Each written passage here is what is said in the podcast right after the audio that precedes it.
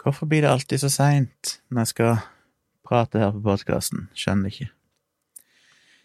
I dag var jo en dag der hele dagen gikk til jobb, selvfølgelig.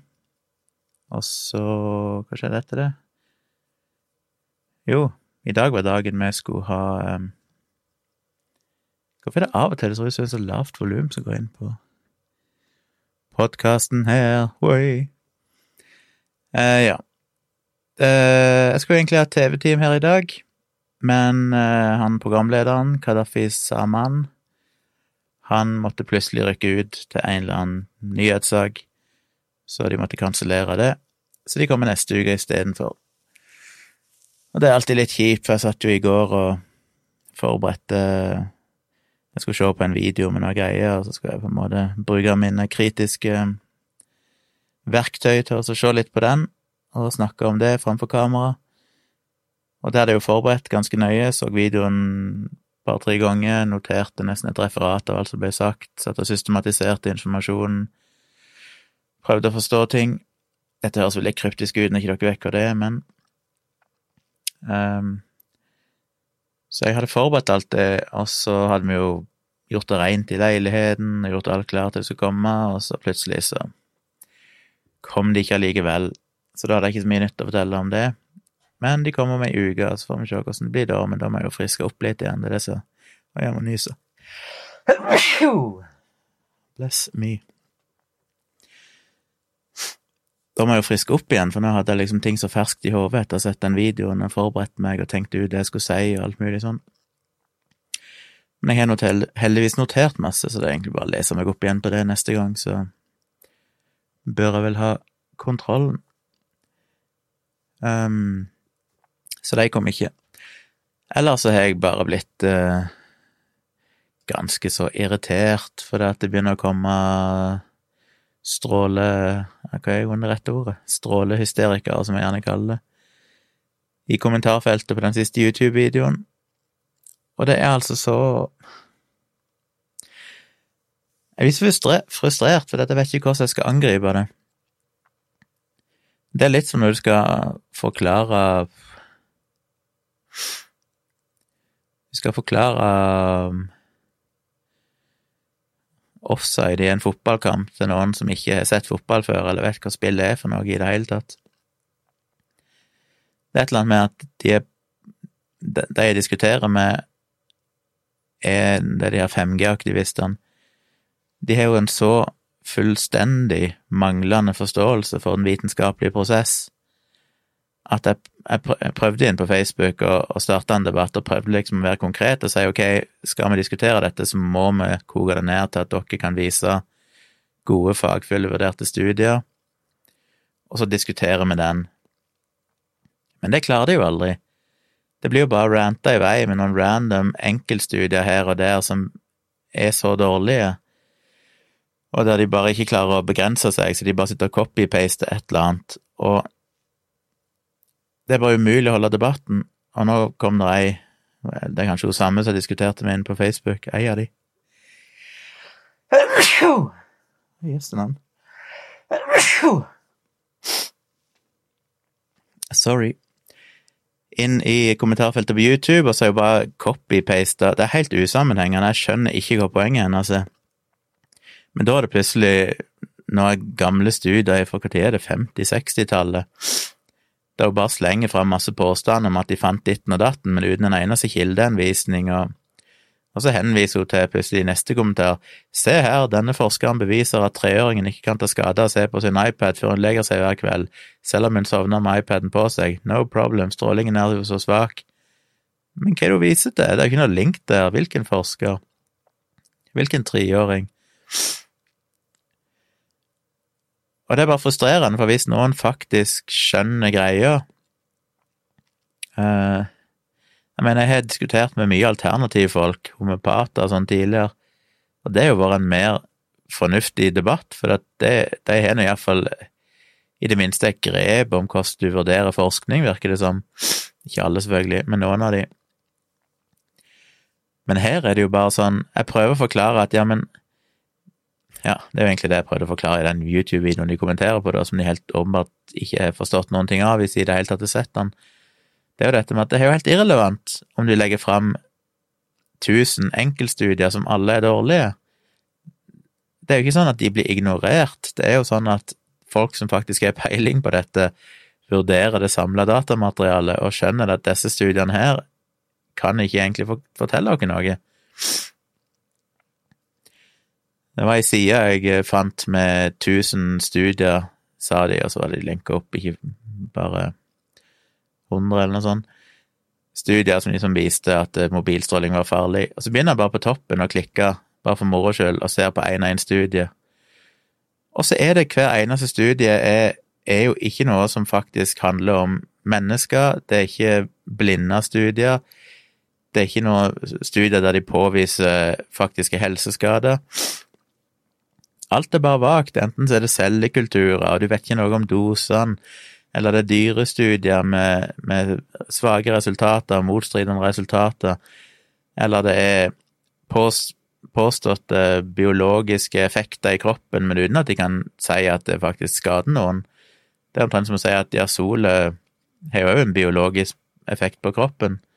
Det er jo ikke dermed sagt at fordi noe påvirker kroppen biologisk, det er jo alt av maten vi spiser, og puster og sollys og alt mulig rart, er jo ikke automatisk farlig. Og det er bare det disse studiene viser, så hvis de kan vise liksom, her er det en studie, her er det en studie, her er det en studie, som egentlig bare sier at ja, de gjorde eksperiment A, og så oppdaget de at det skjedde noe. Så det, det er litt som å si at hvis du har ei petriskål med celler i et laboratorium og tømmer tre dråper Zalo oppi, så dør alle cellene. Ergo så må Zalo være livsfarlig. De er utledet ifra disse her teoretiske effektene, eksperimentelle effektene, til at det plutselig da må forårsake kreft og aids omtrent. Og det er så frustrerende når du ikke kan få de til å forstå denne prøve prøver så pedagogisk jeg kan å forklare at det er ikke sånn du vurderer forskning. Er, hver gang de viser en studie til meg, så kan jeg i løpet av tre minutter se at denne studien her har ingen tyngde, fordi han er så åpenbart svak. Det er sånne svakheter du ser med en gang. Det, men de klarer ikke å forstå at det er det som er problemet, at studiene ikke er gode nok. For det de er opptatt av, er om det finnes studier, og hvor mange studier finnes det. Så hvis de kan vise se her er 1000 studier de siste 50 årene, so fucking what? Det handler jo om kvaliteten. Og de fleste av studiene, som sagt, ikke, forteller jo ikke det de tror de forteller. De tror at alle disse studiene er, på, er påviselige helseskader i mennesker, og det er de ekstremt sjelden. Og hvis de er det, så er det jo veldig nesten aldri blinde studier. Det er ikke randomisering. Du aner ikke hvilke effekter som gjør at forskerne og statistikerne kom til de konklusjonene de kom til, når ikke folk var blinde. Og det er snakk om i placebo-defekten, som jeg har lest om nå de siste ukene, per ukene, det er jo Der viser jo eksempel på eksempel med nettopp det samme fra alternativverdenen, at når folk ikke er blinde, og de tror de er helt objektive og, og ærlige, så lurer de seg sjøl gang på gang. Og i det øyeblikket du blinder en studie skikkelig, dobbeltblinde og så og har alle de rette mekanismene på plass, kontrollmekanismer, så forsvinner effekten. Men hva i verden skal du fortelle det til disse folkene?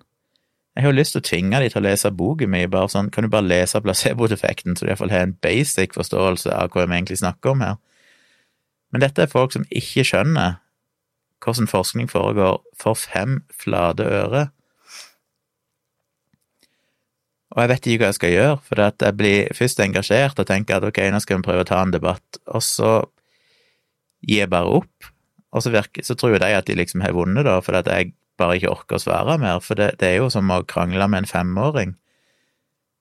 Og de har jo de beste intensjonene, jeg ser jo at de virkelig prøver, de ønsker å debattere, men de bare de snakker ikke det samme språket, de snakker et fullstendig annet språk som ikke handler om, om det vi burde snakke om, som ikke som ikke har den terminologien, alt på å som er relevant her. Altså, de, de bare skjønner ikke sjøl hvor de svikter hen. Ja, det minner meg bare på det jeg egentlig har brukt de to siste årene å si på dialogisk, at det, hvorfor det er jo ikke noe vits å diskutere, la meg heller bare bruke energien min på å lage videoer og, og podkast og sånn, for det er jo bare Ja. Sånne folk som det kommer jo aldri Jeg kunne jo gått gjennom de tusen studiene og plukka ifra hverandre hver eneste studie, og de ville ikke engang ha Det vil ikke ha påvirka de det fnugg. Og det er jo den andre tingen som er så håpløs med de diskusjonene, det er jo det at de aldri kan anerkjenne innspillene mine.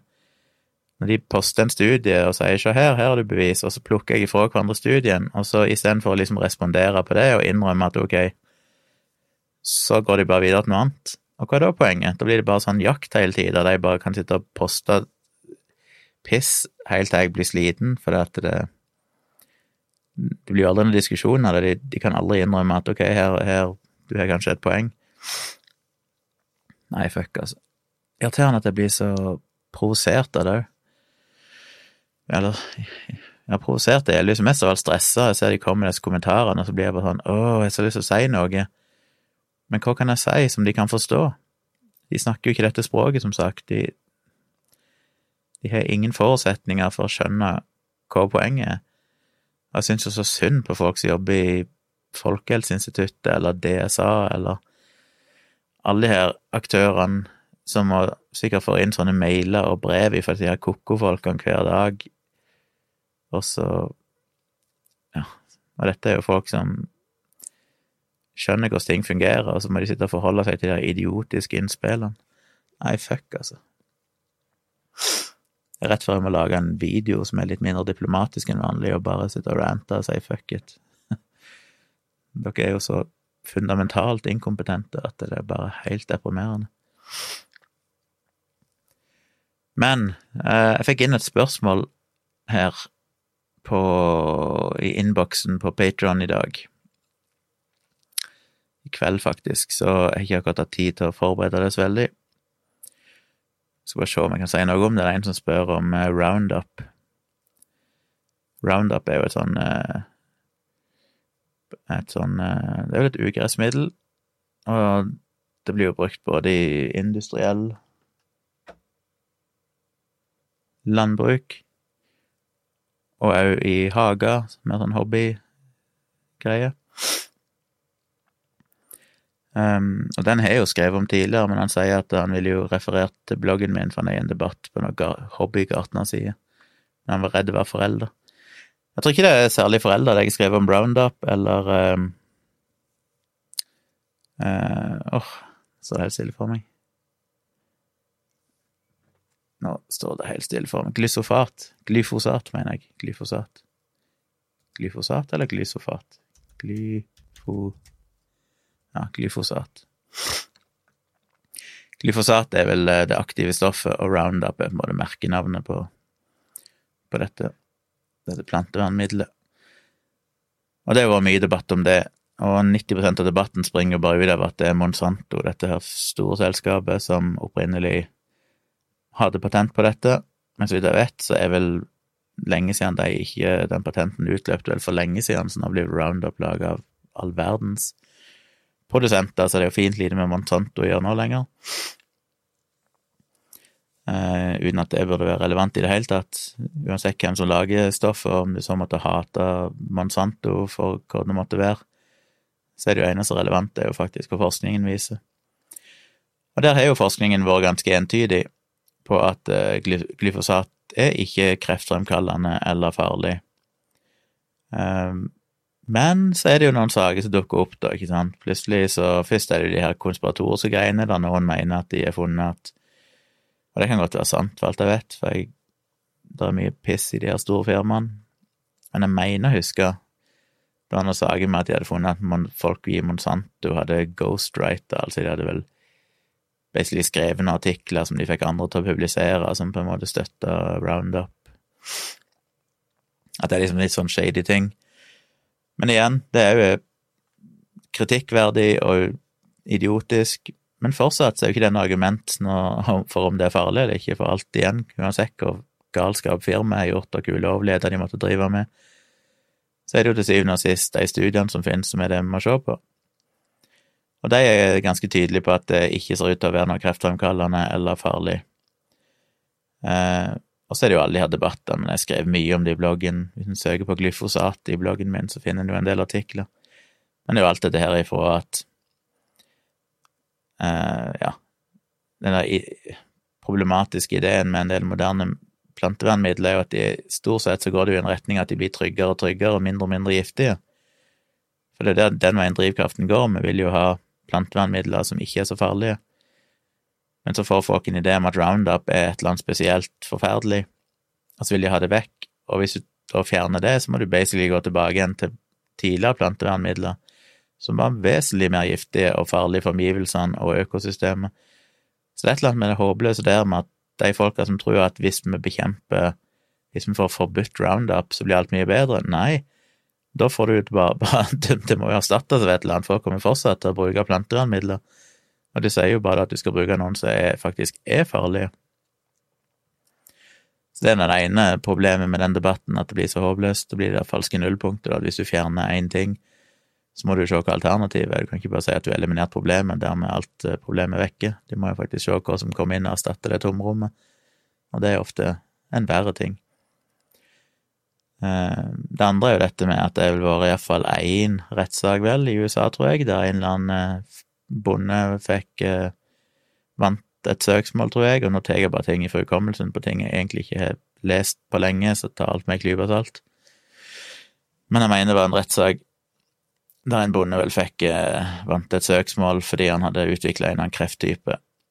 Og det er jo det samme som jeg har diskutert med de her strålehysterikerne, at det var en eller annen italiensk domstol som ga en dude medhold i at eh, det var mobiltelefonen som hadde gitt han kreft, og det er alltid like problematisk når de her rettssakene avgjør et eller annet, fordi folk har vel en veldig stor tiltro til rettssystemet og tenker at hvis noe er avgjort i retten, så må det per definisjon være sant.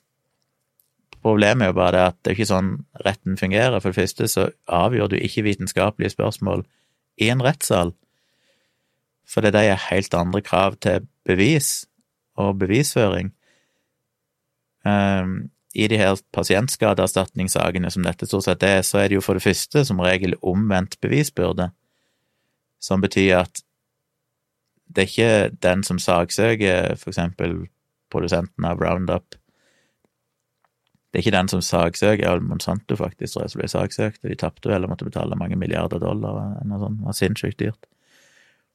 Men, i hvert iallfall mange hundretalls millioner, vet du sånn. Men den som saksøker, må jo ikke bevise at det stoffet skader de, eh, men det er de som eh, skal forsvare seg, som må bevise at det med all sannsynlighet var noe annet enn deres stoff. Sånn er det iallfall med legemidler og vaksiner og sånne ting. Hvis noen sier at de fikk eh, ME av en influensavaksine som staten har gitt, så er det ikke staten så er det ikke den personen som har fått ME, som må bevise at vaksina førte til ME, men det er staten som må klare å bevise at det er mer sannsynlig at det var noe annet enn vaksinen. Hvis ikke staten klarer det, så vinner automatisk pasienten. Og det er jo rått parti, det, det syns jeg er veldig vanskelig, for på den ene sida, ja, jeg syns det skal være lav terskel, jeg syns liksom den, den enkle mannen i gata skal ha skal stå ganske sterkt i forhold til en stor og mektig stat. Så for meg er det ideelt sett så det helt flott at det er lav terskel, og at vi betaler ut pasientskadeerstatning, selv om det ikke alltid nødvendigvis er korrekt. Det er bedre det, kanskje, enn at vi gjør det for sjelden.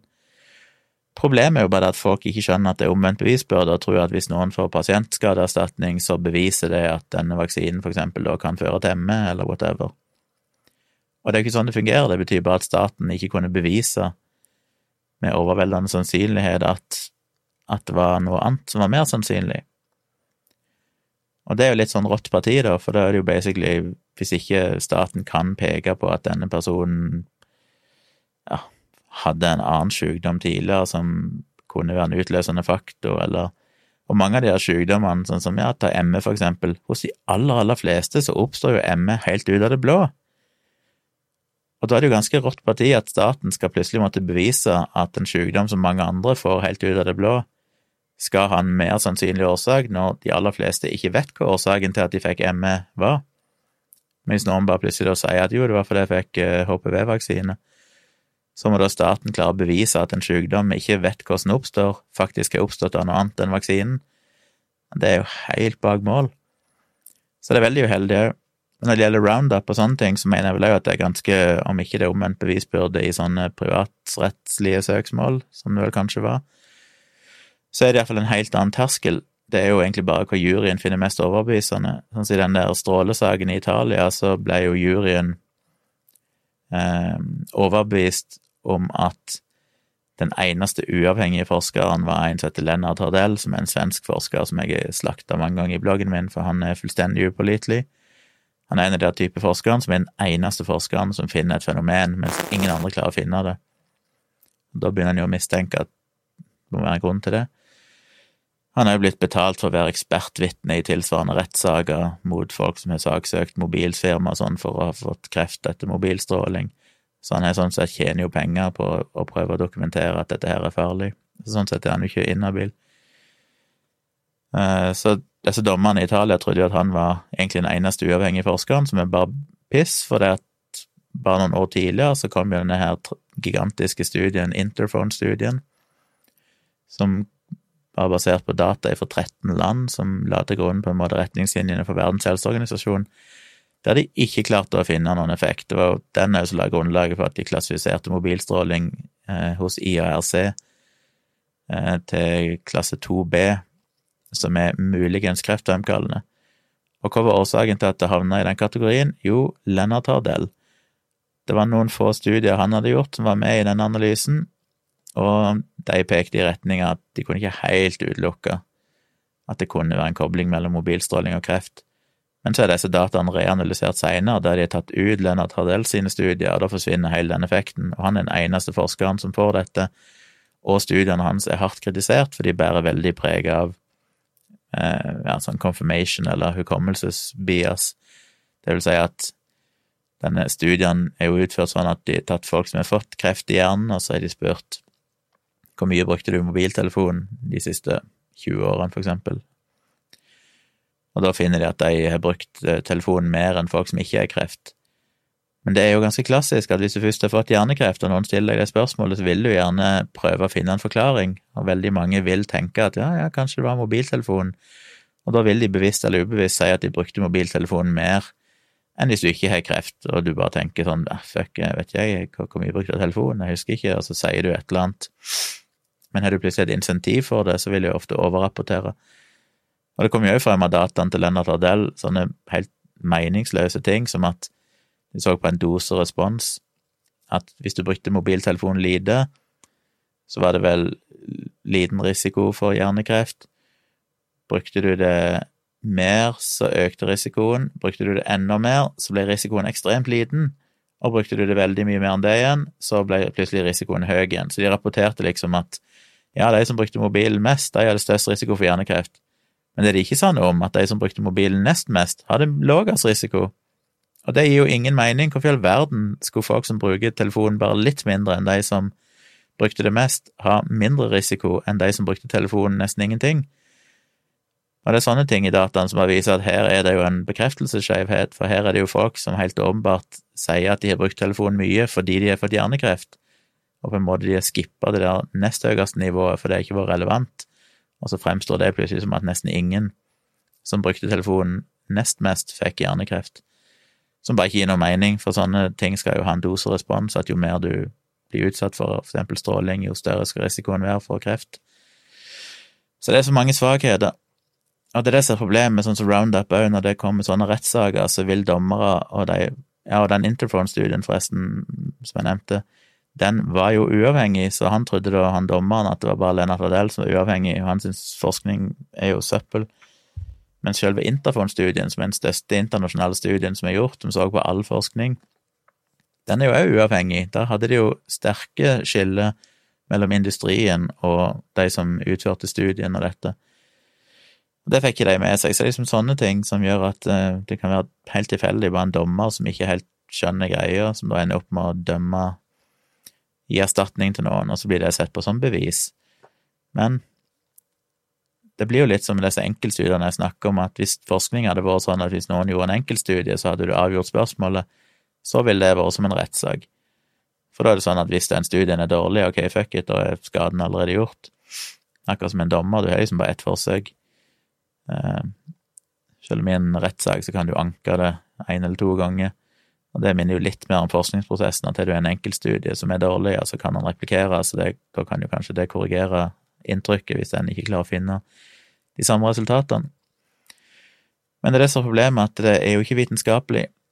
Vitenskapen er jo ikke enkeltstudier og enkeltavgjørelser som avgjør, du ser på summen av data over lengre tid, og jeg blir så provosert når folk legger fram resultatet for rettssaker, for det er totalt irrelevant. Så bare for å svare kort igjen, jeg tror det som står i bloggen min er fortsatt relevant om Roundup eller glyfosat. Eh, jeg har ikke sett, og jeg følger ganske mye med, for jeg er med i en del sånne grupper for agronomer og diverse som stadig vekk diskuterer Roundup. Og jeg har ikke sett noen ting som fortsatt tyder på at det kom noen nye data som peker i retning av at det var skadelig.